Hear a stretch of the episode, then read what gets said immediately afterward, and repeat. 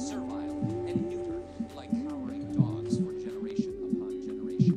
I would also ask those two audiences to think long and hard about why they Välkommen till ett obskyrt samtal med Berk, Gunes och mig, Johan Claesson.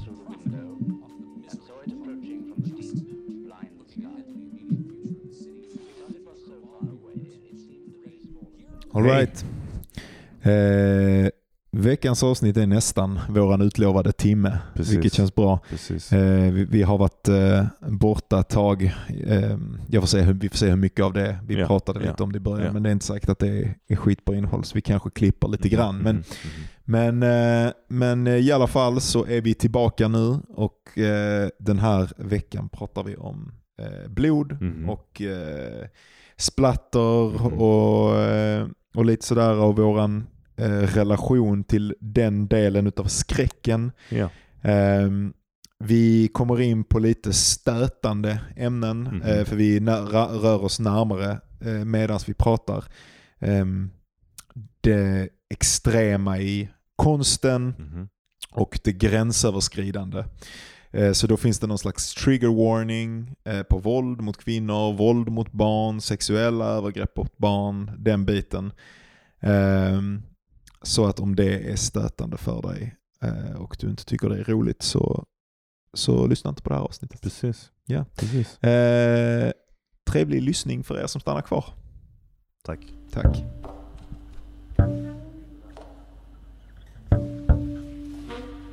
Du var i Spanien medan jag gjorde detta. Jag har varit i Spanien. Vad mysigt. Mhm. Vad gjorde du i Spanien? Jag, eh, jag var i, jag var i eh, Malaga. Just Min det, tjej det var Malaga det var. Jag Ja, var min där, tjej har ett hus där, så vi var i Malaga och sen så drog vi vidare till, eh, till Andalus, eller Mm. till, ja alltihopa är ju Andalusien. Men eh, sen drog vi vidare till Granada Mm. och så gick vi på, på Alhambra som är Mm. känd, den kändaste eh, liksom västerländska, europeiska, Mm. islamska byggnaden. Typ. Mhm.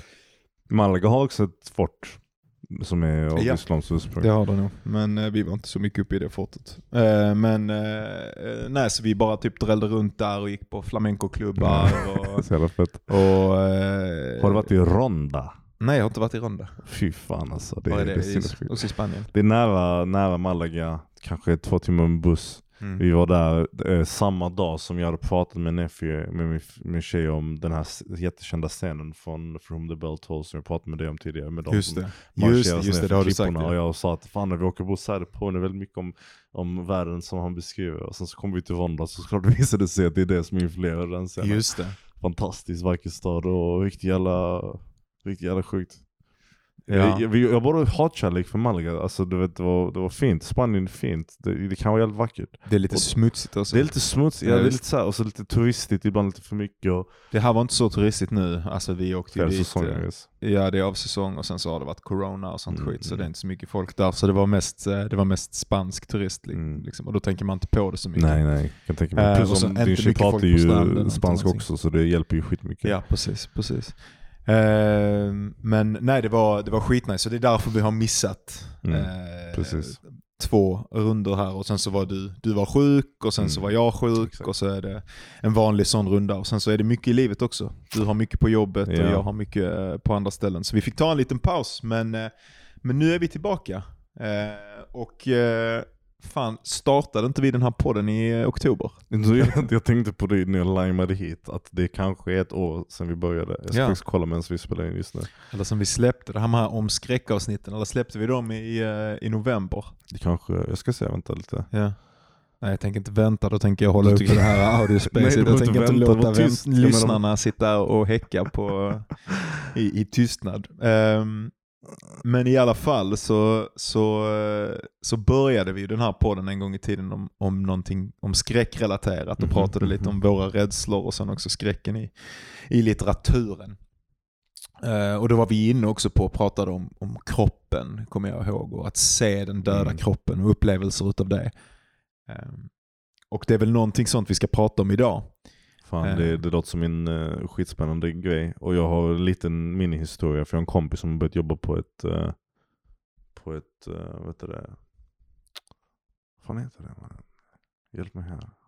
Jag, jag har ingen aning, du kan inte bara alltså, sätta igång och starta. Jag, se, jag kan se vad han arbetar men jag vill inte se namnet på det. Får jag berätta poddens fucking ämne först? Så kan vi ta... eh, Okej, förlåt. Kör Ja. för fan. Jag kan komma Så på det samtidigt. eh, jag formulerade så här fint det här som jag skrev till dig, men då, jag, jag kallade det typ om blod och inälvor, Ja, ja. eh, kroppens sönderplockande eller något sånt, jag vet inte, eller exakt, söndrande i konsten från splatterskräck till Marquis de Sade. Eh, och egentligen i vilken riktning som helst. Det är inte säkert att vi följer det. Vi är ju sällan särskilt eh, schemalagda när vi gör de här poddarna. Men jag ville prata om, för jag, ja, jag, ville, jag ville prata om, om, om det extrema Ja, på någon vänster. Jag tänkte att vi kunde tillägna... Begravningsbyrå. Han, Han jobbar på begravningsbyrå. begravningsbyrå. Okej. Där kom det. Det är väldigt Okej. svåra, det svåra.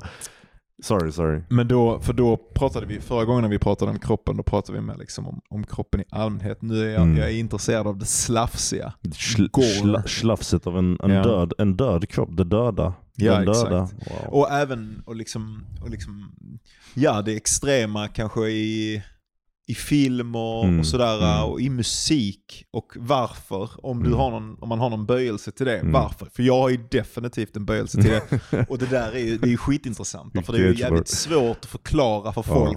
Som inte tycker att det är Det självklart. inte för det är både, det är både Det verkar som man är sjuk i huvudet. Det Ja, verkar som att, man, 100%, att det är en seriemördare. Ja, det är eh, precis vad det grej. låter som. Du, Men, men det nu att du, när du säger det nu så låter det lite seriemördare. Ja, men om man är intresserad av Ja, det, alltså I om det tilltar, för mig, jag tror att jag kan formulera vissa argument i alla fall till, som skulle kunna på ett intellektualisera i alla fall Mhm, varför man är mhm. förklara, eh, varför man är intresserad av det.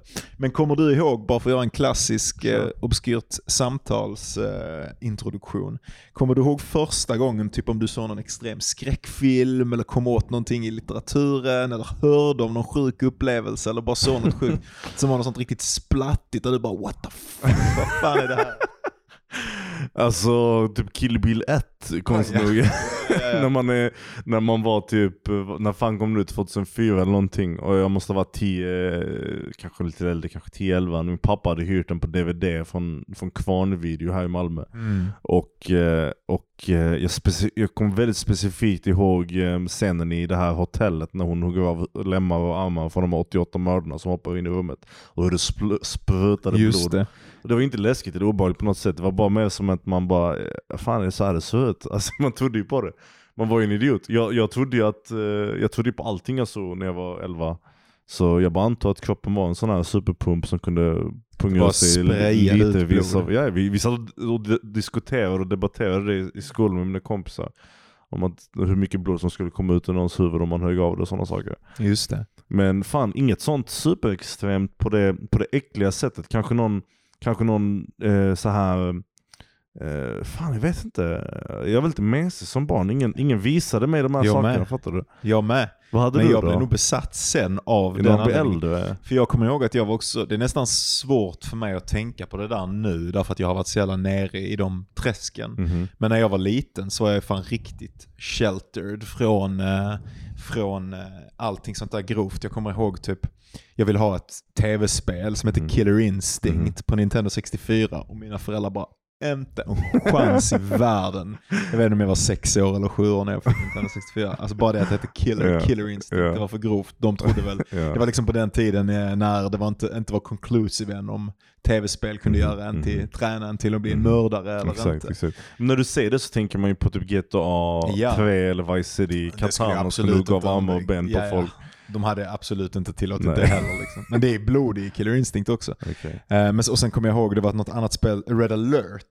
Som jag också inte fick Mhm, spela, att det var mhm. krigsspel. Ja, de, Mhm. de sköt, jag kom för mig jag var på någon fest. Och det var någon som hade det. Mm. Och man såg dem sköt och det blev sådana små fläckar av blod. Mhm. Och det var också absolut inte okej för mina föräldrar. Att det var det här Red alert, att man kunde spela som ryssar och, Ja. och grejer.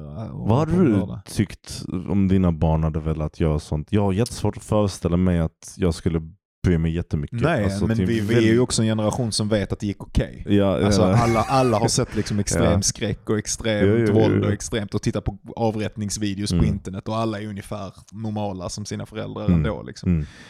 Roughly, roughly speaking.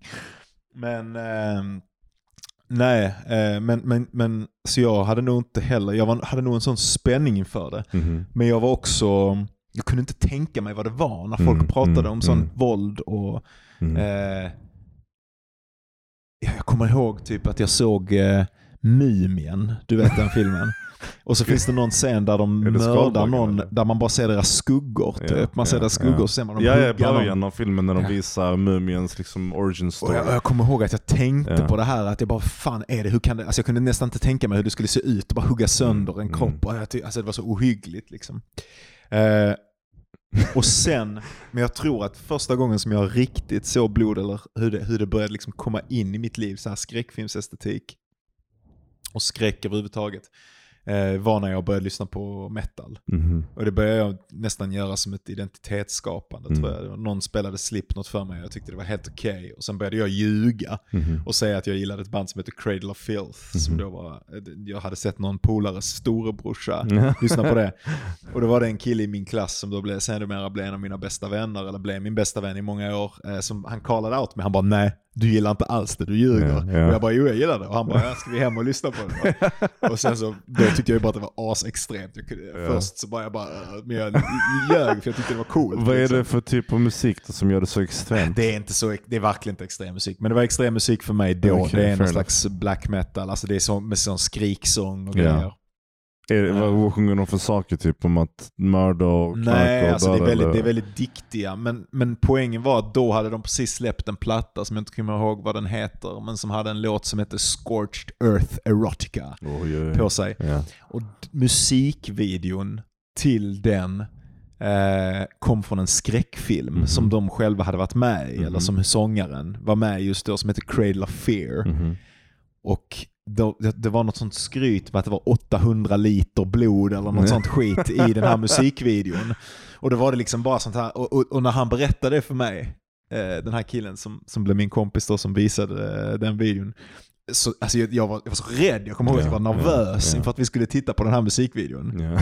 Och sen Som att det var något förbjudet. typ, Ja, ja eller? men, det var så förbi- men också att jag, jag kunde inte tänka mig vad det var, alltså, se så mycket blod, jag hade aldrig Ja, sett ja. blod, jag visste inte, jag kunde inte föreställa mig vad. Ja. vad det var för någonting. Alltså jag, jag, jag, kom, jag, kom, jag kan komma ihåg väldigt tydliga minnen när jag var liten när jag, när jag hade så här konstiga idéer och föreställningar om filmer som jag senare har sett som jag inte fick se då.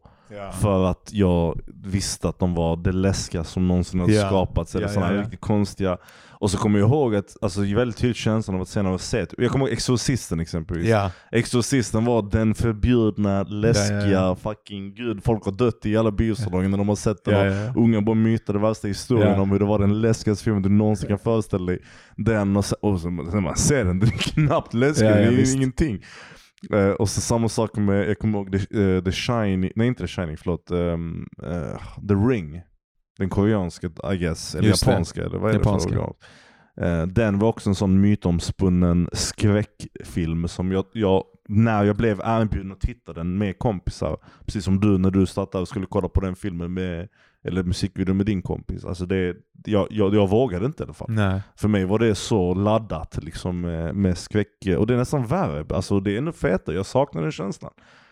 Jag vill, jag vill kunna typ komma ihåg att jag vill kunna sätta mig framför en film och bara så här, ha en sån här abstrakt jävla rädsla för Ja. den utan att ha någon aning och sen... Men det tycker jag, alltså då, det, för det kommer vi, vi kommer komma in på det sen för i ett övre tonåren och sånt. Mm, jag undrar om mm. du hade någon sån fas, så kom jag verkligen in i en extrem skräcksfas. Det är sen när jag tittar på det nu. Men då, jag hade en sån lång, och där har jag alltid den känslan, alltså när man ska Mm. säga de värsta, för Mm. där pratar ju folk upp det, och där är det ju verkligen Mm. alltså extremt våld Mm. och som ser väldigt realistiskt Mm. ut som, som efterapas. Men i alla fall, bara för att gå tillbaka till den musikvideon, när man väl såg det sen så var det liksom bara, de högg av huvuden och grejer, var också sprayade Ja. blod och Mm. det, var, det var liksom lite tramsigt och det var inte så jävla farligt eh, i slutändan. Eh, för det är väl inte så jävla farligt med bara, med bara blod sådär. Nej, Men sen nej. har man väl sett mycket värre grejer sen. Och sen så, det blev ju det där, det var ju alltid ehm, around, alltså när jag lyssnade på metal Mm. så, så är ju sen när man börjar se musikvideos, alltså det är ju, allting är ju skräckfilmsinfluerat. Mm, mm. Så det är liksom mord och blod och, Mm. och, och någonstans där, jag vet inte om detta är sant, men jag kommer ihåg den första, ja, fet trigger warning på detta då, Mm. för det här, nu kommer vi prata om, om ultravåld i det här avsnittet. Jag tror Mm. inte det går att komma undan så om man inte tycker att det är roligt. med väldigt våldsamma beskrivningar Mm. och sådär. Så eh, det finns det en risk att sådana dyker upp. Då kan man skippa det här avsnittet kanske. Men, eh, men det kommer nog pratas om rätt lättsamt. Eh, För jag kommer ihåg, det fanns ett band som hette, jag tror de hette Necro... Fuck, jag kommer inte ihåg, men det, det är typ eh, en av medlemmarna från Pantera eller någonting som, som är i det här jävla bandet. Kan, Necrophagist kanske, Mhm. eller någonting. Necrophagia. Det finns ett tech death band, det är inte de i alla fall jag menar. Men de hade så här skräckfilmsvideos. Jag kommer ihåg de hade en video där, där trummisen Mhm. typ högg av toppen av huvudet på en tjej och sen eh, runkade och kom på hennes hjärna. och, jag, och att det var, alltså jag ihåg- då var jag i chock, då var jag den chocken som jag Hur förväntade. gammal var du då? Åtta, nio? Nej, nej, nej. nej. Eh, Vad fan kan jag ha varit? 13 kanske eller någonting. Men, eh, men det kommer jag ihåg att jag bara sa what the fuck är det? Alltså det här är typ som, alltså att man inte ens Ja. kan tänka på. Nej, hur fan kommer man på något sånt? Ja, ehm, men, men, då blev det väl ändå sådär att, att jag och min polare på något sätt blev lite indragna i Mm. och, och det vet fan hur vi blev, men, men vi började intressera oss för så här, vad är alltså de värsta av de värsta Ja, skräckfilmerna. Ja. Liksom. Men det var alltså fiktiva saker på den tiden eller? Jag har aldrig gillat eh, gore. Mm. Eh, alltså det är väl ingen som, eller jag vet inte gillar, men folk Mm. kan skratta åt det Mm. och sådär. Och jag har haft, och speciellt när de är unga. Mm. Eh, Jag har ju sett en del, alltså jag har Mm. typ inte kunnat hålla mig borta, för det får Mm. vi väl också gå in på då. Mm. Vår generation, det här som kallas gore-klipp och Mm. gore-sidor, chocksidor. Mm. Det kom ju ungefär med vår generation, Precis, eller kanske de precis. som är lite, lite äldre. Eh, med typ så här eh, ehm, Folk som filmar när människor dör helt enkelt. Ja, ofta eh, kanske bilolyckor Mm, eller precis. avrättningar i, Precis. i um, alltså terroristavrättningar Ja, var exakt. tidigt. Jag kommer ihåg en video som jag såg också säkert när jag var 15 som Mm. jag kommer ihåg blev sådär extremt illa berörd av. Mm. Eh, som var, eh, Och så har de också sådana sjuka, lite, nästan mimiga namn. Typ eh, Ja, Two exakt. Guys and a Hammer. Och, Three Guys, ja, Three Guys One Hammer är Ja. en, av de absolut värsta, Precis. i alla fall en av de värsta det är har den som jag kommer väldigt tydligt ihåg att jag har sett. mådde dåligt av. Mellan fingrarna liksom literally. Ja, det, den som jag kommer ihåg som jag var värst för mig var en som hette eh, Neonazi Beheading. Ja, Som var några ryska nynazister som Mm. dödade typ två tjetjenier. ja. Och den ena högg de huvudet av och den andra Fy sköt dem eller någonting. Alltså det, och det var så jävla mycket gurglande och äckligt liksom. Eh, men, och det, ehm, men det är ju verkligen någonting annorlunda för det är ju också en intressant grej att prata om. Eller åtminstone för mig är det det. Att det faktumet att jag överhuvudtaget tänker mig att, för jag, skulle kunna tänka mig att någon skulle kunna göra argumentet att, att till exempel det att det är filmat material skapar en distans. Ja. Men det gör det verkligen inte för mig. Jag, jag har, Mm. det, är, ehm, det är ju fruktansvärt brutalt Mm. att se en annan människas mest utsatta ögonblick. Mm. Eh, mest smärtsamma ögonblick. Mm. Och konsumera det. Ja. Eh, Och när det är så rått och äkta typ, att man kan liksom höra ja. ljuden och det, det är för Ja. mig nästan det värsta, den, den saken. Men det, det finns fortfarande en distans till det för mig i alla fall. Jag, jag ja, tror det är inte som hade att se det i verkligheten. För, för, Nej liksom. exakt, det hade ju varit, ja, såklart det hade ju varit helt jävla traumatiskt men Ja det är egentligen ett annat tema, men, eh, men jag vet inte, på något sätt så tangerar det tycker jag. Eh, bara där kanske det intresset av det guess, som du också gått in på tidigare. Att man skulle vilja se någonting sånt här, men också ha ett sånt morbid intresse för skräckfilmer som är goriga till en absurd nivå. Liksom. Ehm, eller tycker, tycker inte du det? Att det finns någon koppling mellan de två sakerna väldigt tydligt? Jo, men samtidigt så vill jag ju då gärna trycka på hur extremt mycket inte samma sak det är Mm. på grund av det. Det händer någonting, tycker jag, när, när eh, det är fiktivt. Mm. Alltså att det våldet får alltid en, en prägling av det symboliska. Mm. Eller eh, som det åtminstone inte har för mig Mhm. när det är verkligt. Mhm. Och har det det när det är verkligt, då börjar man ju verkligen att bryta ner gränsen mellan Ja. konst och verklighet. Ja, Då börjar det bli något sån här, eh, på ett obehagligt sätt. Men för mig så finns det inga spärrar Mm. för vad man får lov att gestalta Mm. i konst. Mm. Eh, och jag konsumerar konst som gestaltar eh, mycket grova grejer Mm. liksom. Och är intresserad och har alltid varit, eller länge varit Mm. intresserad. Är det för du menar då att det finns ett, ett, en poäng till den typen av våld och därför är det av konstnärligt värde? Ibland. Eh, ibland. För visst ett mord av en oskyldig människa på en video på internet eller whatever är ju som du säger helt meningslös och därmed också... Och för mig så känns det som att det finns ett moraliskt hinder. ja, Eller jo, en spärr absolut, eller absolut. någonting som jag inte skulle vilja. Eh, men kanske att det är någon, eh, att, att jag har den moraliska spärren men ändå, och kanske att en viss sorts människa har det här begäret ehm, att se det extrema våldet. Jag tänker att det nästan är någon slags um, kolosseumsinstinkt, Okej, gladiatorfights ja, ja, ja. instinkt liksom. Ehm, Som är typ ett skådespeleri liksom. Ja, men, folk- sa- men samtidigt att se kroppen eh, söndergöras Mhm. gör ju någonting med en, ens egen relation till ens dödlighet. Ja, jag tror att ja. det finns någon sån motor i det. Jag har, jag har hört eh, att det finns vetenskapsmän som forskar på detta som tror att typ intresset, eller alltså så allmängiltigheten Mm. i till exempel konsumerandet av dödsvideos, Mm. som ju är ett väldigt utbrett fenomen, eh, grundar sig i någon slags instinkt i människan att, ehm, eh, att typ att förbereda sig eller att, att, att, att, att se hur det kan gå fel för andra. Det är samma impuls i så fall som får en att titta Mm, efter Mm, bilolyckor. Mm. Att genom att se en bilolycka och se ett sönderslagen kropp där, så även fast man själv är chockerad på en nivå, så är det liksom på något sätt någon nivå av, av medvetandet som förbereder sig eller som varnar sig själv, som ser hur det kan gå fel. Eller Ja, ja. Någonting sånt. Att det är någonting sånt som ligger bakom ja. impulsen. Eh, jag, jag tänker lite på typ personligt hur, och det här låter riktigt seriemördaraktigt lite, men just hur det är nästan samma känsla eller instinkt som, jag är intresserad av hur det här tickar, typ. jag är intresserad av hur det här fungerar. Alltså, precis samma, när jag var liten var jag väldigt mycket så här plocka isär unge som skulle öppna upp eh, Stämmer detta för Maskineri och skräckfilmer och sånt också? Nej, nej Utan det gör ju inte det. Jag hade döds- specifikt för riktiga saker. Ja. Där jag har sett så här, där, den, den delen av mig, den lilla delen av mig som kanske hade haft något intresse av att se det här. Jag är lite som du också, jag blir väldigt illa berörd av det så jag söker inte upp det. Men när, man trillar, när, man, när det trillar in framför eller man, har, man är i det här, eh, man är ibland i kanske något konstigt mood när man är så här.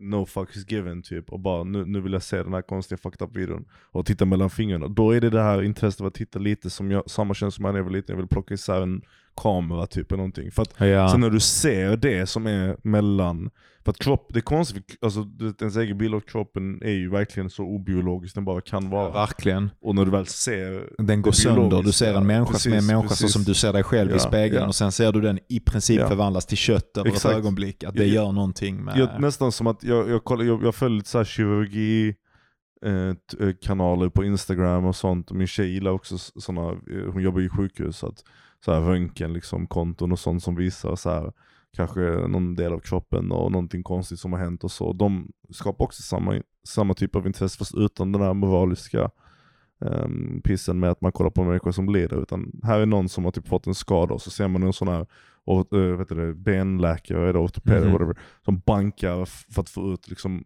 och bara ser hur typ fragil kroppen kan vara samtidigt Mm. som den också kan tåla extrema mängder Mhm. eh, alltså trauma om man vet vad man gör typ. Mhm. Vilket för mig är bara så här helt jävla fucking rubbat men skitintressant ändå. Okej men det är en kategori I guess. Kanske, kanske att man tittar på gore och konstigheter och kroppens dödlighet för Ja. att man är intresserad av att klura ut vad som är I guess det biologiska i det som man inte förväntar sig skulle vara biologiskt. Men en annan typ av instinkt, det är där jag har svårt att, jag fattar inte riktigt, vad är då eh, det här konstnärliga? Men du har, inte, du, för du har inte haft böjelsen, för jag vet ju att du har haft det i din egen produktion. Du, Ja. Det är typiskt alla killar när de börjar skriva ska alltid hålla på och skriva en massa konstiga jävla mord och Ja, ja. Eh, du berättade någon gång att, eh, jag, vet, jag vet inte om, jag, om man får säga detta när din morsa lyssnar och grejer. Men Nej vänta lite. det, det var någonting du skrev om som var väldigt våldsamt liksom, Ja, och sådär i början. Ja men jag, jag, jag har skrivit, ja ja okej, det- vi behöver snacka om det. Men Ja. det, det, jag har skrivit konstiga saker. Ja, och det, det är ju något, på något sätt någonting som, det känns som alla killar Ja. börjar på det stället Mm. när vi skriver Mm. någonting som är väldigt våldsamt och väldigt varför och det väldigt extremt. Ja, det är någonting i Mm. ditt killiga att vara Mm. värst, så det är här, det, tror det jag. är det. Men, ehm, men, eh, men ja, men jag fann ju inte mig heller i det. Men jag, men jag, jag, jag gillade ju den konsten och konsumerade den konsten, eller gillade. Det var någonting spännande, kanske att det hade, för jag började när jag var 15 då, så, så var det jag och min polare, vi började titta på de här de här eh, videorna, eller vi började söka upp, jag kommer ihåg det fanns eh, bland annat en, alltså för nu pratar vi extremskräck, så jag kommer ihåg det fanns en som vi Um, som heter Slaughtered Vomit Dolls. som, eh, som är gjort av en kille som heter Lucifer Valentine. Eh, och han är jävligt underlig och har en sån konstig historia som han har spridit om sig själv. Han kommer från Sydafrika och han ska ha haft någon incestuös relation med sin syster innan hon typ tog livet av sig Mm. eller någonting. Och sen så är han etiomofil eller vad fan det heter. Alltså, Okej. han, han är spyfetischist. eh, och eh, eh, han, ehm, eh, han har gjort de här skräckfilmerna och det är en konstig liksom blandning av det är nästan filmat som en musikvideo. Det är liksom väldigt korta klipp och stötiga klipp Mm. och det är, väl ganska skrikigt och mycket höga ljud och ingen riktig plotline. Nästan som en lite psykedelisk mardröm. Och så Mm. bara spyr de blod och håller på och Mm. hugger Mm. sönder varandra. Och, Mm. och jag kommer ihåg det är någon där någon skär av återigen då toppen på någons huvud och sen bara kräks blod in i, i hålet i deras huvud och sådär. Väldigt, eh, väldigt extremt, men det, det, det var väl då på något sätt spännande. Precis som i metalen så fanns det liksom en sån här myt, mytologi Mm. runt, speciellt i black metal, det finns Mm. många medlemmar som har mördat Mm. eller gjort massa extrema grejer och som inte är så kända och det finns mycket rykten om vem som har gjort vad och mördat och är satanister på olika sätt. Och det där är ju väldigt spännande att interagera med, den här, det här Mm. ockulta elementet i den här konstformen. Att, att, ja, men det, det, det finns tusen rykten om varje Mm. person och, och, och, och det finns någon riktig mystik till ockult. det. Varför det? Vad är det som är ockult med Alltså det? Liksom? ockult eh, i, i den bemärkelsen att det är hemlighetsfullt, undangömt. eh. Det är så de dricker så här blod och Jag menar skallar inte i på folk. estetiken, Och, okej. utan jag menar snarare i eh, alltså att det finns ett, en genuin ryktesmaskin ja, ja. runt vad de här personerna egentligen har gjort. Ofta har Mm. de kanske inte gjort Nej, så mycket, eller nej. bara någonting, men, men det plötsligt dyker det upp alla sorters om vilka kyrkor de har bränt och vilka hemliga, mörka, sataniska kretsar de är Vad delar. fick, du, vad fick du den informationen som barn? Alltså så här, eller tonåring? Var det typ hängde, forum och jag, det fanns internet? ett forum som hette Helgon, det var nog mycket där och så, så började vi ju snacka med andra metalmänniskor på internet. Det var liksom på Lunarstorm-tiden. På den tiden, Mm. konstigt nog, så känns det som att man gör det mindre Mm. nu. Eller jag vet inte om detta är sant för kidsen, de kanske gör det rätt mycket, men man minglade så jävla Mm. mycket på de här tidiga sociala medierna. Det handlar mycket om att inte bara vara coola inför de vännerna man redan hade, Mm. utan att bara hitta en massa nya människor hela tiden. Så man, hade- man kände ju skitmycket folk. Mm. Liksom. Eh, och det, så det gjorde vi. Eh, vi. Vi kände skitmycket folk och där pratade man om de här mystiska banden och sen blev det också de här skräckfilmerna. Och i den extrema skräckfilmsvärlden så är det ju dels, dels kan många av de här skräckfilmerna vara ovanliga Mhm. och sen finns det alltid en fråga, är det äkta eller Ja, inte? ja, exakt. Eh, och, Jag vet typ en, mm, jag, jag var lite mer i den nivån där jag typ tittade på så här små klipp på 4chan typ. Just det. Där det var så här, kanske en tråd om alltså så här, snafffilmer som Just det. egentligen var klipp från skräckfilmer, Just det. förstod jag senare. Ja. För det, det var väldigt tydligt såklart filmat från ett perspektiv där man Precis. ser att det är liksom jag är en kameraman som har bearbetat det. Men, eh, och jag kommer ihåg den känslan också, den diskussionen också. Av, Cannibal av, Holocaust, det är Ja, många människors exakt, första klassiskt. som Och då- film. jag kommer ihåg en som var typ såhär, någon kvinna som var så här fastbunden vid en stolpe eller någonting i ett mörkt rum och så var det någon slags night vision kamera som filmade någon varelse som gick på typ fyra ben. Och det var så här på X-forumet på 4chan som är så paranormal. Ja, jag vet vad det, den heter. Uh, The Poughkeepsie Tapes. Ja, precis. Exakt. Ja. Och det är ju Ja, jag har bra koll på de här har filmerna, jag tittade exakt. på dem men, mycket. Men när man såg de klippen och sånt så var det ju lite den här känslan av är detta äkta eller inte? Typ. Ja. Skitrolig tid, konstigt nog. Ja. Jag saknar lite. Ja men för det är ju det, är ju det, här, det, är ju det mystiska, det är Ja, nog det ja, de kapitaliserar. Jag kommer ihåg någon, en klasskamrat, för jag pratade också mycket, jag tyckte nog, det blev nog en del av min manlighet eller Mm. min identitet, att jag typ kunde sitta och prata om sådana extrema Mm. videos och aldrig ha jättemycket känslomässigt engagemang i det. Mm. Att jag, ehm, och så tyckte folk så här, bara, fuck du är helt sjuk i huvudet, men så samtidigt så Alltså jag var inte helt socialt missanpassad utan jag var ganska, jag var rimligt populär på min skola och sådär liksom i, i den åldern när jag var 15, 16, 17 någonting sånt. Ehm, så, eh, så det blev liksom inte... Jag blev inte ostracized, eller jag gjorde inte det, utan jag gjorde det nästan som för att provocera lite, för att det var lite äggande. Mm. Eh, Men så frågade någon mig varför jag, vad är det egentligen som är charmen med sådana filmer? Och då min första konceptualisering av det var väldigt mycket på det här spåret som vi är på nu. Jag kommer ihåg att jag sa till honom att det är som att man ser någonting som är för väldigt få ögon. Ja. Det är som att man ser Ja. någonting förbjudet och... eh, Men det är också det elementet av att titta i så fall på det som inte så många människor har sett. Alltså typ en lite obskyr film eller något klipp från någon gömd ställe. Eller det är alltid någon sån här liten sak som gör det lite mer exciting typ. Och det är inte i många genrer som det funkar. Och därför kanske det finns så, det är så prevalent med, med den typen av saker i skräck. För att vad annars kan vara så typ gömt om inte det är så här obduktionsvideo Ja, av precis. aliens, typ och sådana konstiga saker. Vilket ändå är samma Och kategori det eller finns, det, det finns ofta, ofta så är ju de här filmerna som är väldigt extrema, eller nu mer är det inte så för nu har internet verkligen, men, men på den tiden så fanns det typ inte mycket information Nej, om någon av dem. Precis, precis. Och ja. det, det är liksom, det, det, det, ehm, på den tiden kommer jag ihåg att det fanns en sån ny, känns som att jag skulle kunna känna någon som gör sådana Mm, filmer och mm. de skulle kunna vara hur normal som helst. Därför att nu har jag liksom växt upp och jag har själv liksom varit i den världen av extrem konst. Mm. Jag har träffat så många människor som bara är helt vanliga eh, och som bara gillar, har haft perioder med extrem skräck och sådär. Och sen så lyssnar jag, jag har lyssnat på lite på poddar och sånt som intervjuar typ folk som gör väldigt extrem porr och sånt och alla de är bara vanliga jävla personer. Mm, ja, Men på den tiden fanns det en sån känsla att de inte kunde man kunde inte Ja, ja. föreställa sig vad det var för människor. Ja, ja. Det kändes som att de måste mörda i sina privata liv eller de måste vara i kontakt med någon annan dimension. De måste, det är någonting som är så annorlunda med dem. Som är så långt ifrån Glumslöv. Nej jag men jag då vet, alltså typ, jag, jag, jag, jag tror min stora fascination med, med typ 4chan på den tiden, det här det är ett chattforum för er som inte vet som Måste- har lite så här bilder, jag, jag snackar så länge, så det är lite chattforum så er som inte vet som har lite så här ett format där du kan lägga ut bilder och video eh, på, eller text på sidan och sen efter kanske ett par eh, timmar så försvinner det. Så att in- allting på 4chan är typ eh, alltid lite i flytande tillstånd. Det, det, det vinner in och vinner ut och så är det borta. Och så finns det så här myter, mytomspunna trådar som har skapats en gång i tiden och kanske en, en lös referens till tråden. och Så. Och detta var innan 4chan. 4chan idag är ju känt lite mer som en sån right, right-wing extrem grupp. Nasseforum, sida, men så Ja, var det inte precis. alltid. Och, och jag, jag har lite så här, jag känner folk som hänger där idag och jag, jag bara, när du vet allt detta så är det lite fucking, det är inte samma sak. Men på den tiden i alla fall, och kanske jag som var naiv som inte visste, men så var det typ jättespännande i det. Och då finns det olika subtrådar inom 4chan, subsidor.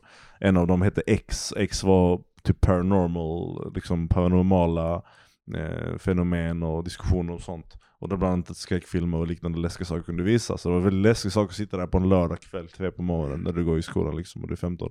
Och sitta och läsa igenom de här trådarna. Och framförallt också se alla referenser till trådar som du har missat över åren som har gått.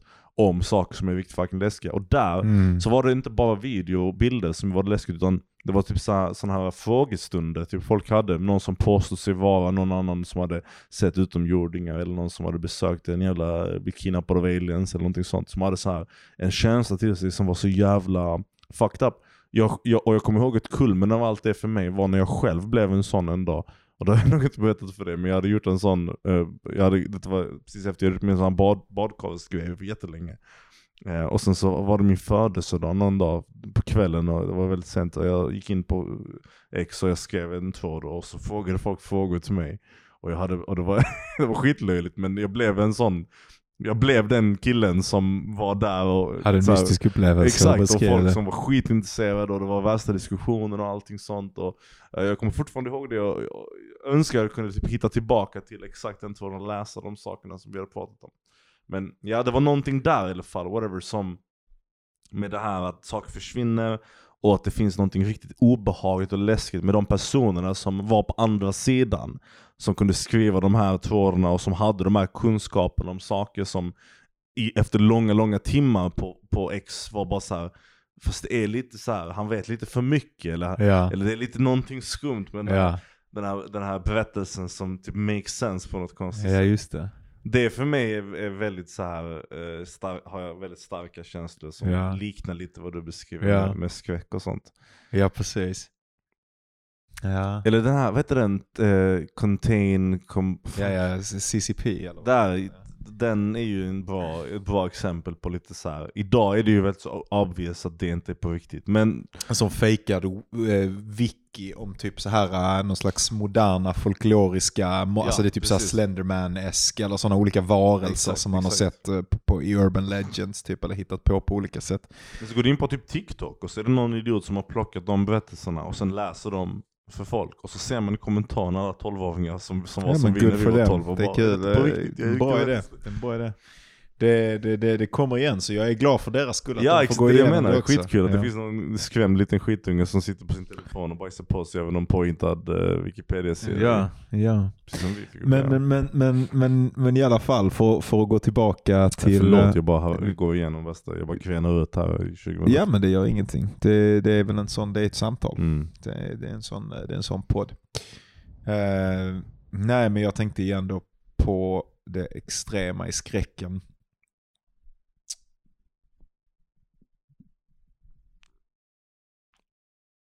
Ja, nej. Men eh, för senare så har det ju på något sätt blivit, jag har ju fortsatt, um, eller jag är inte, jag har väl i princip tröttnat på, på det här väldigt extrema, eh, alltså det som bara är vålds depiction. För det fanns ju också, det, det fanns också någonting i det, och det här tror jag det var också mycket för mig, man ville se att man klarade. Mhm. Nästan någonting eh, utstå smärta Mm. liksom. Eh, och i regel så kan jag tycka att sådana extremskräckfilmer, ryktena kan vara en sak och sen när man ser dem så kan det vara ganska tråkigt. För det visar sig, i alla fall för mig, så är jag sällan så chockerad. Ehm, Det händer ju inte längre typ att man ser någonting som faktiskt som, Nej. som är på låtsas. och, man- men även, även, även på den tiden så var det liksom sällan som det levde upp, alltså fantasierna var nästan Mm. större. Mm. Men det finns en film, och det här är väl fan nära på den mest kända extrema skräckfilmen, eller vad man vill prata om för film så här, som, som existerar, som var ett jävla fenomen på den tiden, som jag faktiskt äger på DVD. Som jag kommer ihåg, som var, jag nog tänkte på som en av mina favoritfilmer ganska länge. Okej. Av den enkla anledningen att jag fan, ja, eh, ja, vi kan komma in på varför, för det är ju verkligen en sån film som skulle kunna stämpla en som sjuk, men det är Serbian film. Jaha. Kommer du ihåg när den kom ut? Såg du den när Jag, den jag kom har ut? aldrig sett den. Du har aldrig sett Men jag vet precis allting om den. För jag Ja. känner folk som har sett den och, och pratat om den. Ja, för den blev ju verkligen ett fenomen. Ja. Alltså. Eh, Det är ju en modern urban legend, Ja. liksom, att, att folk eh, pratar om den filmen. Och när jag såg den första gången, jag kommer ihåg, jag satt hemma, det var någon, en, en kille som, jag, som gjorde skräckfilmer som jag ehm, ehm, tittade på hans reviews. Jag tittade Mhm. mycket på sådana Mhm. internet reviewers när jag var i den åldern. Eh, och, och han gjorde internet reviews på skräckfilmer. Och han la upp en video om den här och bara, det här är fan det är inte roligt. Alltså det här var, bara- han var bara arg liksom. Att det här, bara, det här är inte okej. Eh, och tyckte då verkligen inte att det fanns något konstnärligt värde i den Mm. alls. Eh, men hade, det, han liksom, det, det blev för nyfiken. Det, är väl också, det finns ett inslag av Ja, nyfikenhet också inför allting sånt här. Så jag bara, men hur jävla illa kan det vara egentligen? Ja, Vad fan ja, är detta precis, för någonting? Precis. Eh, och jag såg den och eh, frågan är om jag bara har sett den en gång. Jag kanske bara sett den den gången. Det var ganska snabbt. Jag har, jag har som sagt den på DVD. Jag tror aldrig jag sett det på Ja. den DVDn. Utan jag bara såg den på internet någon gång. Eh, sen kommer jag ihåg att det var snack om att den skulle censureras, Mhm, alltså att man mhm. skulle kasta den.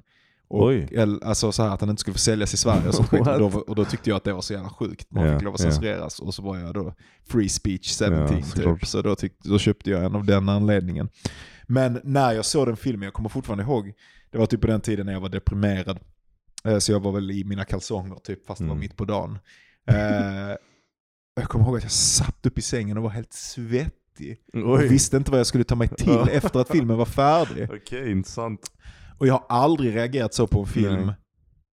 Alltså jag tror aldrig jag verkligen har storbölat till exempel till Ja. film. Jag kan inte komma ihåg det. Ja, jag har många gånger. Jag har, jag har oh du, jag, ska, jag vill berätta, fuck nu vill jag berätta om något som är helt oskräckfilmsrelaterat. Eh, Kör, berätta. Ja men jag ska först, först Ja. bara, för jag hade en jävla powerful upplevelse, det är världens löjligaste grej. Okej, det- två, två, två poler av min personlighet på rad nu. Eh, A Serbian film som ju då föreställer liksom allt jävla grovt våld som kan Mm. finnas, eh, fejkad pedofili, eh, allt möjligt Mm. jävla skit i Mm. ganska mycket grafisk detalj liksom. Mm. Och som har ett sånt väldigt cyniskt slut som Mm. lämnar, det blir, ingenting blir bra liksom. Mm. Allt, allting går bara åt helvete. Och den har en ton som gottar sig i Mm. våldet rätt Mm. mycket. Det är liksom inte en, en känslomässigt komplex skildring nödvändigtvis av det här, utan det är nästan bara en skildring av, av absolut förfall och våld. Mm. Men den har ändå en sån fucking, tycker jag, välgjord ton. Det är liksom bra skådespelare. Ja. Den har en sån välgjord ton av, av ångest. Ja. Det som händer är ju liksom att, att, att filmens huvudkaraktär, eh, han eh, drogas ner. Det, är liksom, och gör en massa våldsamma handlingar Ja. som han inte kommer ihåg. Ja. Och sen sitter han och tittar på en, eh, en sån här videokamera där Ja. har spelats in vad han har Ja. gjort. Och det han har gjort är liksom fucked. Eh, och den och fucked mot typ personer i hans närhet och sånt. Och, eh, och den scenen, den ångesten som var då, på något sätt så kom den åt mig. Och sen så den kombinationen med, med det här extrema våldet, det blev verkligen en... Nu jag att- vara att titta på cynisk. Ja, det, jag, jag tycker att det är en, en fet film, men det är ju verkligen, det är ju en, om man, har, om man överhuvudtaget tycker att det finns en länk mellan verklighet Mm. och, eh, och konst, Mm. Så ska man inte... så, så kan man inte titta. Alltså, Nej, då, då, nej. då, då är det ju... Precis. Då, eh, Jag tänker på när du snackar om den på den The House That Jack Built av just det, den har inte jag sett. Nej, men jag har, inte, jag har inte sett den heller, men min tjej vill kolla på den och jag vill, jag vill se den, men, jag, men den finns bara, det är bara den censurerade varianten som finns. Eh, på Viaplay eller något sånt bullshit. Ja. Och det känns ju lite mesigt, Ja, lite då får man hitta typ. den på Precis, andra vis. Liksom. Men det är också så här, den typen av, av Extremt extrem, våld, ja, men jag, ja, och våld mot tänker mig att det är samma typ av, jag tror inte det är samma som en Serbian film dock. Den har ju sexuellt våld mot barn Ja, liksom, ja. som är... Är vet, alltså, det, Alltså det är inte, det går inte att jag göra. Det är inte så verkligt gestaltat Nej, liksom, nej. men det är tillräckligt, eh, det ser rätt fake ut liksom. Men det är tillräckligt grovt, eller det är ju bara, bara det att det är med, ja, ja. provocerar ju en Precis. viss sorts människa. Det är Precis. det jag menar, det är ju inte för den sortens Nej, människa som nej, jag. Men för Jag mig är det ju distinkt inte, Mm. alltså det är ju inte verkligt Mm. liksom. Och, men för vissa människor är ju inte den skillnaden, eller den gränsen jättetydlig. Vissa Mm. människor blir ju asarga på konst liksom. Eller att konstnärer, för det är ju också så, konstnärer ägnar ju en oproportionerlig mängd tid till typ, ja, pedofili och våldtäkt och Mm. sådana ämnen. Det, på något sätt tar det ju upp en massa konstnärers eh, tankeverksamhet och mord och sånt på ett sätt som alltid har gjort Mm. att konstnärer har verkat som degenerates i förhållande till det moraliska allmänsamhället. Såklart. Såklart. Eh, och då kan man undra varför det är, vad det är Ja. som drar. Men vissa... Men jag menar ju då att det konstnärliga ögat som närmar sig, man, man ska inte oroa sig för en Serbian film, man ska oroa Mm. sig för jävla svenska 55-åriga farsor som åker till Thailand och knullar småflickor. Mm. Det är vad man ska oroa Mm. sig för. Mm. Det är det farliga. Konst är aldrig farligt. Och den, det är uppenbart att den sortens konst Mm. eh, som en Serbian film inte är, alltså den bygger på det hemska, det fruktansvärda i gesten, inte Ja. på att det är lite härligt. Ja, men jag tror det som är förvirrande för folk tror jag är när den typen av berättelser eller filmer um, känns som de alltså uh, förespråkade på något konstigt Ja. sätt. Lite, lite typ som alltså så här, provokationen bakom Lars von Trier och hans hans liksom, kommentarer om nazismen och sånt som han har sagt efteråt. Och det är ju också Ja, bara men ett, han ett, är mimit. Alltså, han, bara, ja. han, är inte, han, är inte, han menar ju inte på riktigt, men, men det, det, det, det, det blir ju någon sån här konstig så här, jag menar en man som ser sådana saker som också alltså. gör, som också gör såna här sjuka jävla goriga CP-filmer om, om genital mutilation och sånt bajs, måste ju mena det typ på något sätt. Men jag tror det är precis som du säger, det finns inte det finns en väldigt tydlig separation och att vara så typ gottig i det äckliga så tydligt också som han är Ja. och vara så här super edgy och säga så att nazi- om nazismen, kommentarer och sånt. Eh, Kom igen, det är jätteobvious att det måste vara den typen av liksom, Mhm. sak. Men det gör det bara knepigare. Om någonting är det knepigt så, så tycker jag det, det, det är ännu bättre ju. Är det inte? Alltså, det Men jag, jag tänker moraliskt som konsument, så för Ja. oss är det självklart, eller för mig i alla fall, men jag antar för dig också, Mm. så är det självklart att det är en jävla skillnad på att konsumera någonting som är falskt. Och det är inte bara att det är en skillnad, alltså jag skulle ju aldrig konsumera alltså så här, en erotisk berättelse som bygger på att objektet är ett barn till exempel. Någonting, alltså som, var, som, var, som, som var skriven Mm. som porr. Liksom. Mm. Utan det, eh, det som är intressant är ju när det extrema våldet eller den Mm. extrema handlingen eller vad, vad det nu än är. Nu blir det så jävla mycket om barn här. Ja, det blir alltid det. Men det är bara för det är det värsta av det värsta. ja, liksom. ja. Ehm, Men den det- extrema handlingen eh, är alltid... ehm, var det inte något ämne vi pratade om i litteraturvetenskapen, ett berättarknep som har att göra med separationen eller medvetenheten mellan vad den implicita liksom, läsaren är för någonting och vad som faktiskt finns berättat om texten, eller av, av författaren i texten. Alltså att det finns någon, slags, någon, någon väldigt tydlig separation mellan, så länge du vet att författaren eh, menar en sak eller är en sak och sen de skriver någonting annat som är motsats till vad de faktiskt är. Den diskrepansen som finns mellan de två sakerna skapar medvetenheten om att konsten försöker se någonting annat. Liksom. Alltså en person som skapar konst som är extrem men som själv inte är extrem och du vet om det som läsare Mhm. och du läser det. Då, då, då om någonting som, så kan du utifrån den vetskapen om, de, om skillnaden mellan de två Mhm. förstår dig på vad de försöker säga. Ja, Men, men i en exempel erotisk roman där det är så här, en erotisk författare som vars, vars eh, poäng är typ att skapa erotik. ja. Sen också skriver om Jag erotiska... vill också inte att det ska vara så här mycket fokus på barn. Det skulle Nej, kunna nej, vara om jag blod också Nej, eller whatever. Exakt, Alltså, men, en- men poängen är i alla fall att jag skulle inte konsumera en nej, du hade erotisk text som handlar om att döda en människa Nej. heller. Liksom, Ja, ja, bara exakt, till som, alltså, som porr. Liksom. Lite fett hade det varit. ja, jag skulle inte göra det med barn i alla fall. Nej, men, jag, och jag, men jag, kanske, och jag kanske skulle ha gjort det som, som på skoj Ja. med, med Nej. eh, en kropp med, med, med död. Men ja, men skitsamma. Eh, Men att oavsett vad det är som man använder för extrema ämnen eller i, i den extrema skräcken eller i den extrema transgressiva konsten Mm. som det heter. eh, Så finns det ju någon slags skillnad. Därför där till exempel med kroppen så blir det ju på något sätt en symbol för det här som du pratade om tidigare. Alltså eh, att utöva våld på en kropp i ett litterärt verk tänker jag. Eh, det är att, att ehm, det är att synliggöra eh, det sköra i kroppen på ett sätt som eh, att utöva våld på en kropp i verkligheten är bara att utöva våld på en kropp. Eh, Så det saknar den symboliska eh, verkligheten. Och på samma sätt tänker jag med eh, ofta i litteraturen eller i konsten eh, eh, när man utövar våld på barn eller på kvinnor för den delen. Och det är ju vanligare att det är kvinnor. Barn är ju ytterligare ännu mer tabubelagt Mm. därför att ingen vill ha en pedofilstämpel. Mm. Liksom. Men på kvinnor är ju det andra, det är ju egentligen eh, en, på något sätt ska vara en symbol som kanske främst är riktad till heteromän Ja. om typ oskuldsfullhet. ja. Eh, Eller Det är det extra det, som ska skyddas. med- det är något precis, ja. extra hemskt ja. Eh, Män får gärna lov att dö.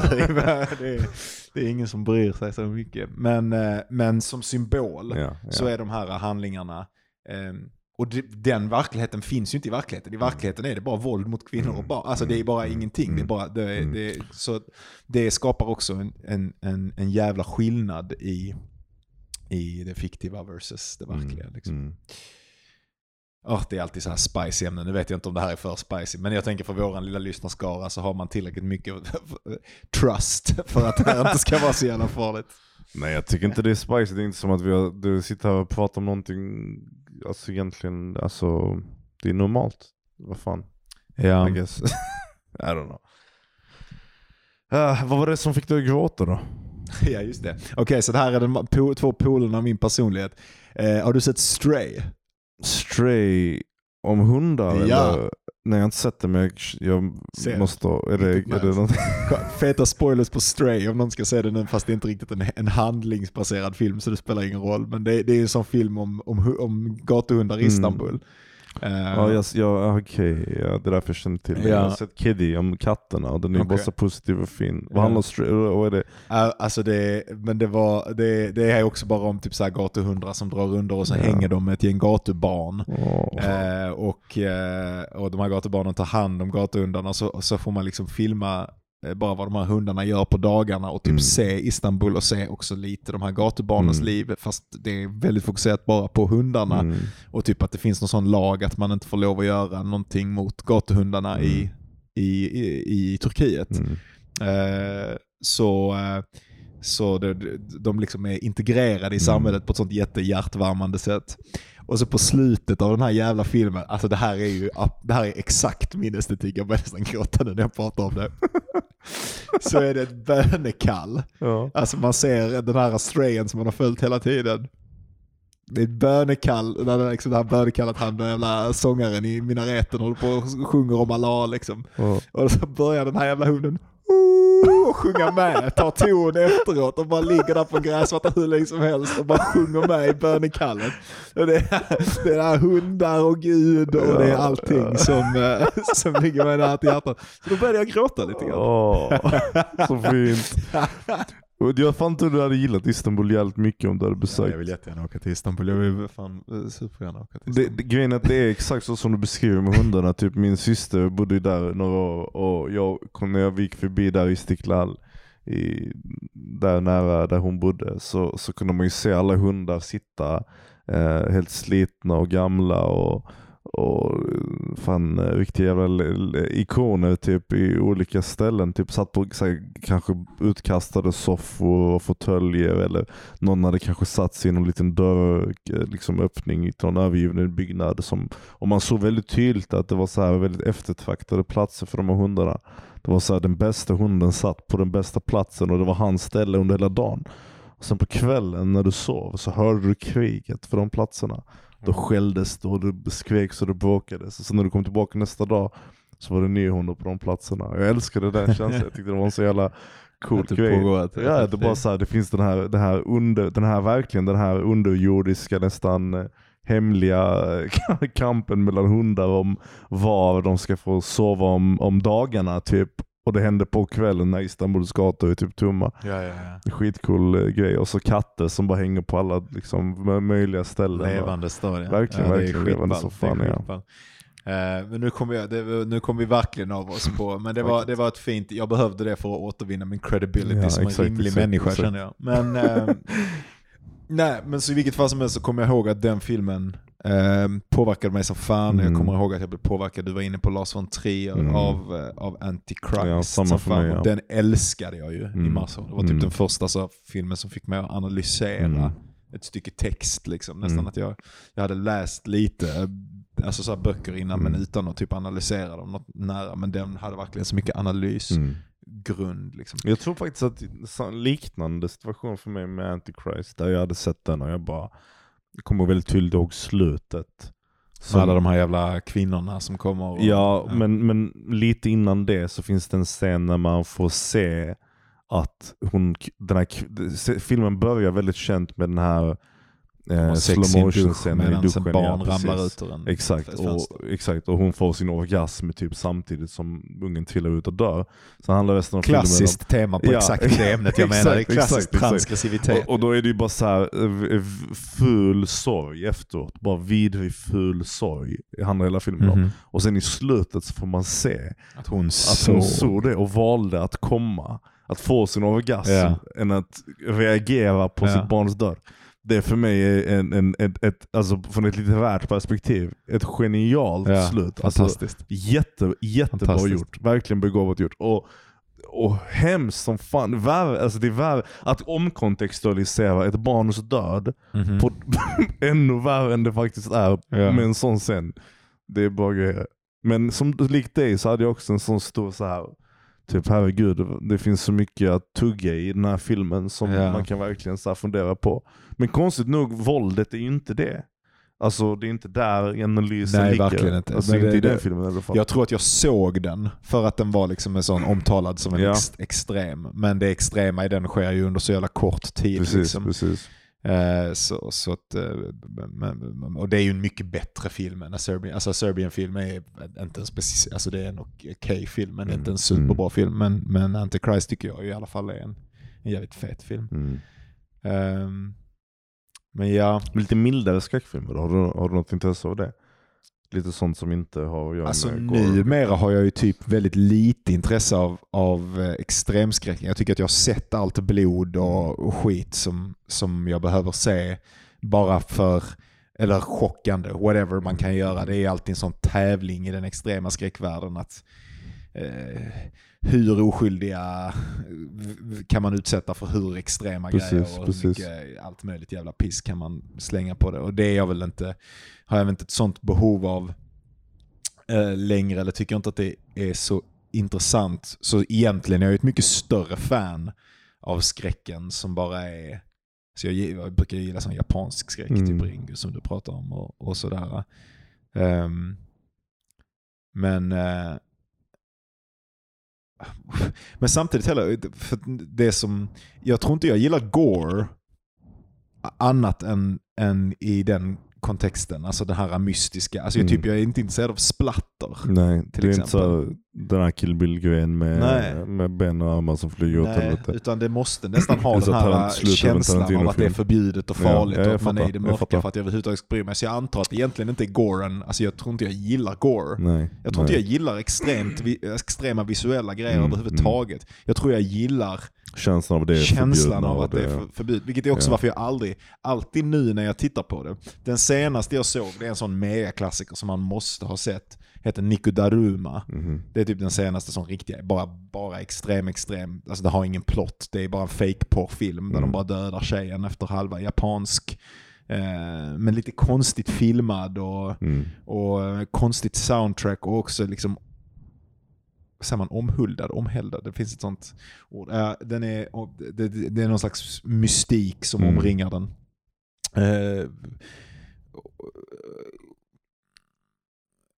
ja, och, och, eh, Och den är inte gorig eller? Jo, den är jättegod. Okej. Den är jättegod. Så det var den senaste som Ja, jag, som det jag såg av kul. bara, bara av det skälet. Men då var det också så, jag pallar typ inte, inte att jag är chockad, men jag är bara uttråkad. Det bara gör Ja. ingenting för mig. Så jag antar att jag inte har det i mig längre. Det var en, en, en, en fas. Men jag gillar ju fortfarande det transgressiva, tanken Ja, om det ja, transgressiva. Tanken om det gränsöverskridande, det Mm. tabuöverskridande. Eh, och när det är ett element i böcker, så till, framförallt då, eller i filmer, så är det ju min typ av element. Men Mm. det är ju mycket viktigare för mig nu än vad det var när jag var tonåring att konstnären vet vad de ska göra Ja. med det. För att jag, annars känns det ja, bara fattar. cyniskt. Jag är inte Ja. bara intresserad av någon som vill chocka mig för Ja. chockandets skull. Utan jag är intresserad av kanske det som lockade Mm. mig då Mm. var inte ens att bli chockad för chockandets skull. Utan det var det här förbjudna och det mörka. Mm. Och vad är det förbjudna och det mörka? Och vad är det poängen med det transgressiva? För det Mm. kommer vi då tillbaka till som, Mm. som vi sa innan. Men är det bara att man har någon slags seriemördarlust som man fläktar ut på ett annat vänster? Eh, och det tror inte jag det är. Jag tror att sådana människor är mycket mer true crime-fans. De som är, är, är så här. Men, ehm, Min tjej. Ja, men, eh, men eh, det, det transke, det finns en, det finns en jättebra, som jag tror antingen Foucault eller Derrida har skrivit, som heter A Preface, A Preface to Transgression. Mhm. Där en av argumenten eller en av poängerna som han gör med meningen med den transgressiva litteraturen, det är att den fungerar som en slags blixt Mhm. igenom eh, eh, en blixt igenom moralens natt som på något sätt lyser upp Det, Det som är- lyser upp gränsen. Genom att överträda Ja, tabun ja, så befästs ja, tabun. Eh, och jag tror att det är någonting sånt. Jag Ja. inbillar mig att man kanske att jag kanske har blivit en mer moralisk människa Ja. genom konsumerandet av detta. Därför Ja. det är lite som, som vi har pratat om tidigare, som jag tycker är viktigt i meditation och som jag tycker är intressant i litteratur. Det är lite katabasis. Det är Mm. lite att gå ner i underjorden. Det är lite att se Mm. Men vad, vad är det egentligen? Vad är, vad är extremt våld egentligen? Mm. Och vad är det man ska skydda sig själv från Mm. och skydda andra från? Det är Mm. inte bara en idé. Krig är ett jävla helvete. Ja, Folk utsätts ja, för skräckfilmsliknande våld och värre Ja. på riktigt. Liksom. Ja. Och det finns något element i alla fall, tror jag, i något djupt lager utav psyket som, som är intresserat av, intresserad av att se sina egna gränser. Mhm, mhm.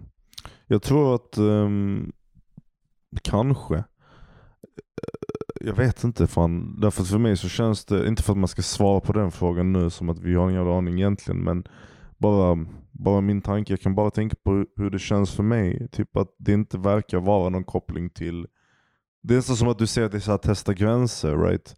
Typ att du nästan snuddar vid det som är förbjudet för att kolla vad som bränner till. Så du vet typ som person eller som samhälle eller whatever att det är omoraliskt eller är det så du, du menar med den här blixten som lyser upp gränserna bara så jag förstår rätt innan jag ens säger någonting annat. Alltså förstår du, du, du, du testar det som, det som är Jag fult tror och att det går du- är en att det är en del i alla fall. Alltså, men sen så tycker jag ju att det, det bataljanska argumentet är ännu starkare. Och vilket men var det? Det bataljanska argumentet har jag inte sagt nu, men det är ju på något sätt att eh, ehm, han pratar ju om, om, om funktionen med mänskliga offer. Mm. Bataille är min favoritfilosof. Någon gång ska vi prata om honom i Mhm, den här eh, mhm. offer, f- favoritförfattare i den här podcasten. Och han gav nog mig mycket verktyg för att förstå i efterhand vad det var, hur jag både kan tänka att jag är Mm. moralist och vara intresserad av de här konstformerna, liksom, eller de här eh, rörelserna inom konsten. Och i alla fall för mig, för så tyckte jag att det var allmängiltigt, men för mig stämmer nog hans förklaringar. Och han säger bland annat om, om ehm, funktionen med det mänskliga offret Mhm. i typ så här äh, aztekkulturer och sådana grejer. Att, att, att han, som han tänker på det, ehm, så är det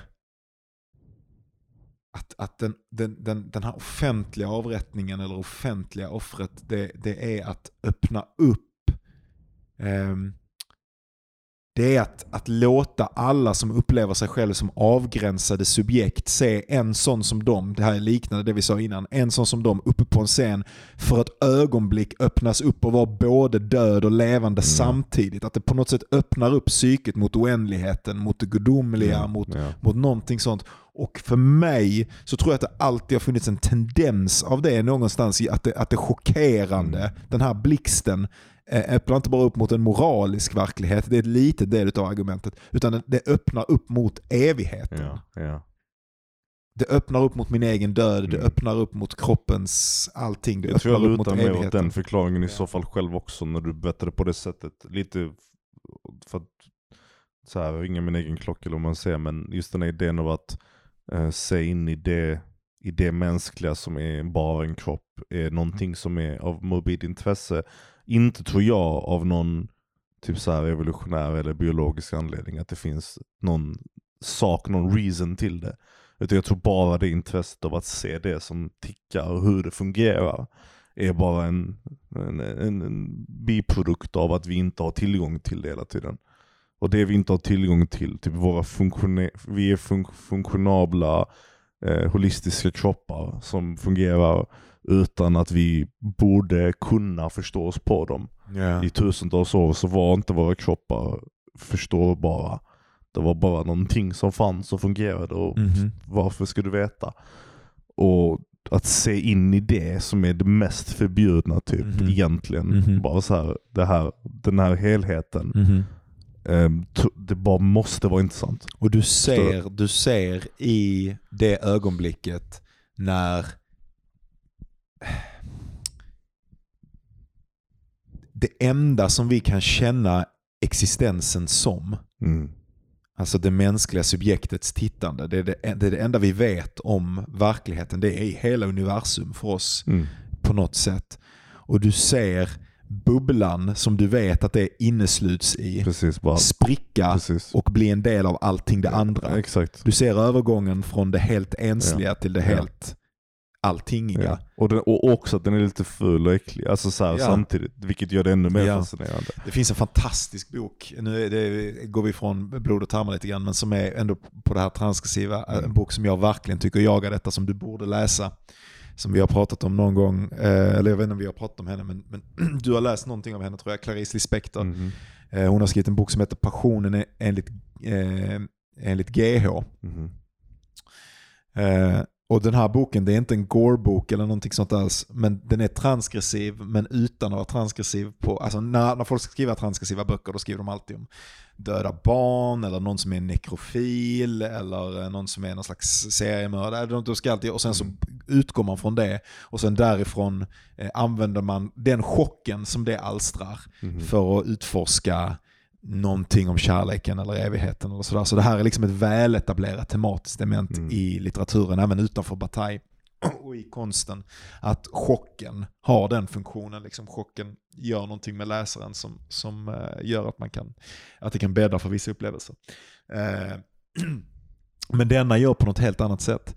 Den nyttjar inte chocken inför liksom, det här det moraliskt Mm. förkastliga Mm. eller det fruktansvärda på det sättet. Utan det handlar om en kvinna, eh, en, en överklasskvinna Mm. i Rio de Janeiro eh, som, jag tror hon har sparkat sin städerska, eller hennes städerska kommer inte in och hon blir tvungen att städa sin egen lägenhet. Mhm. Och när hon gör det så hittar hon en kackerlacka, får panik, klämmer sönder den i en dörr och det kommer ut någon konstig vit vätska ur den. Och hon har en religiös upplevelse Okej. Som slutar med att hon måste äta den här jävla kackerlackan och den här vita vätskan. Och det är det bästa, alltså du vet att, att ha en kvinna som är överklass, Ja, som kommer i kontakt med det som kryper Mm, och krälar och är så mm, kroppigt och mm. äckligt och uppenbart livets fundament. Mm. Alltså insekten är så jävla, och Mm. insektens kropp är så jävla, alltså det är bakterien, det är Mhm. det är, det är så jävla äckligt, det här du pratar om, det äckliga Mm. i livet som på något Mm. sätt döljs bakom våran hud. Det är Mm. att vi faktiskt går under och är Mm. bajs och kiss och blod i en Mm. stor ballong. Typ. Eh, det finns ju på något sätt i kackerlackan. Och, Mm. och, och den här setupen, det är nästan inte ens en handling, utan det är bara en lång religiös monolog över vad det är att störta Ja. från det höga ner i underjorden och äta det som krälar, Ja. det som är vidrigt och förgöra sig själv. Ja. Hela konstruktionen om den värdiga människan går under och blir ett med naturen Mhm. igenom den här handlingen och äta den här kackerlackan. Den måste jag fan, Fantastiskt. den måste jag fan läsa. Ja, det är Vad en av heter de bästa den, sa du? Passionen enligt GH. Clarice Lispector. Det är, en, eh, det är ett mästerverk. Den är riktigt konstigt skriven alltså. Den är, Nej den nej nej, jag vill läsa den då, det låter fantastiskt. Eh, vad, vad, hur, hur, vad, hur mycket har vi spelat in? En timme och sex. Vi kanske ska börja runda av. Ja, det får, det får räcka så här. Visst, Det blir något mer eh, spook eh, skräckavsnitt Ja, tror jag nu i ja, oktober. ja. Det här blev, vi började med, med eh, splat, whatever. Och, ehm, Lite flummigt, men jag tror ändå vi kom fram till något intressant i slutet som vanligt. Jag vi gillar kan, vi, lite kan prata om, vi, kan prata, vi har två avsnitt till tror jag i oktober. Vi kan prata om det, det, det gränsöverskridande definitivt, mer, definitivt. Eh, alltså mer specifikt. Kanske gå vidare på detta ämnet. Det är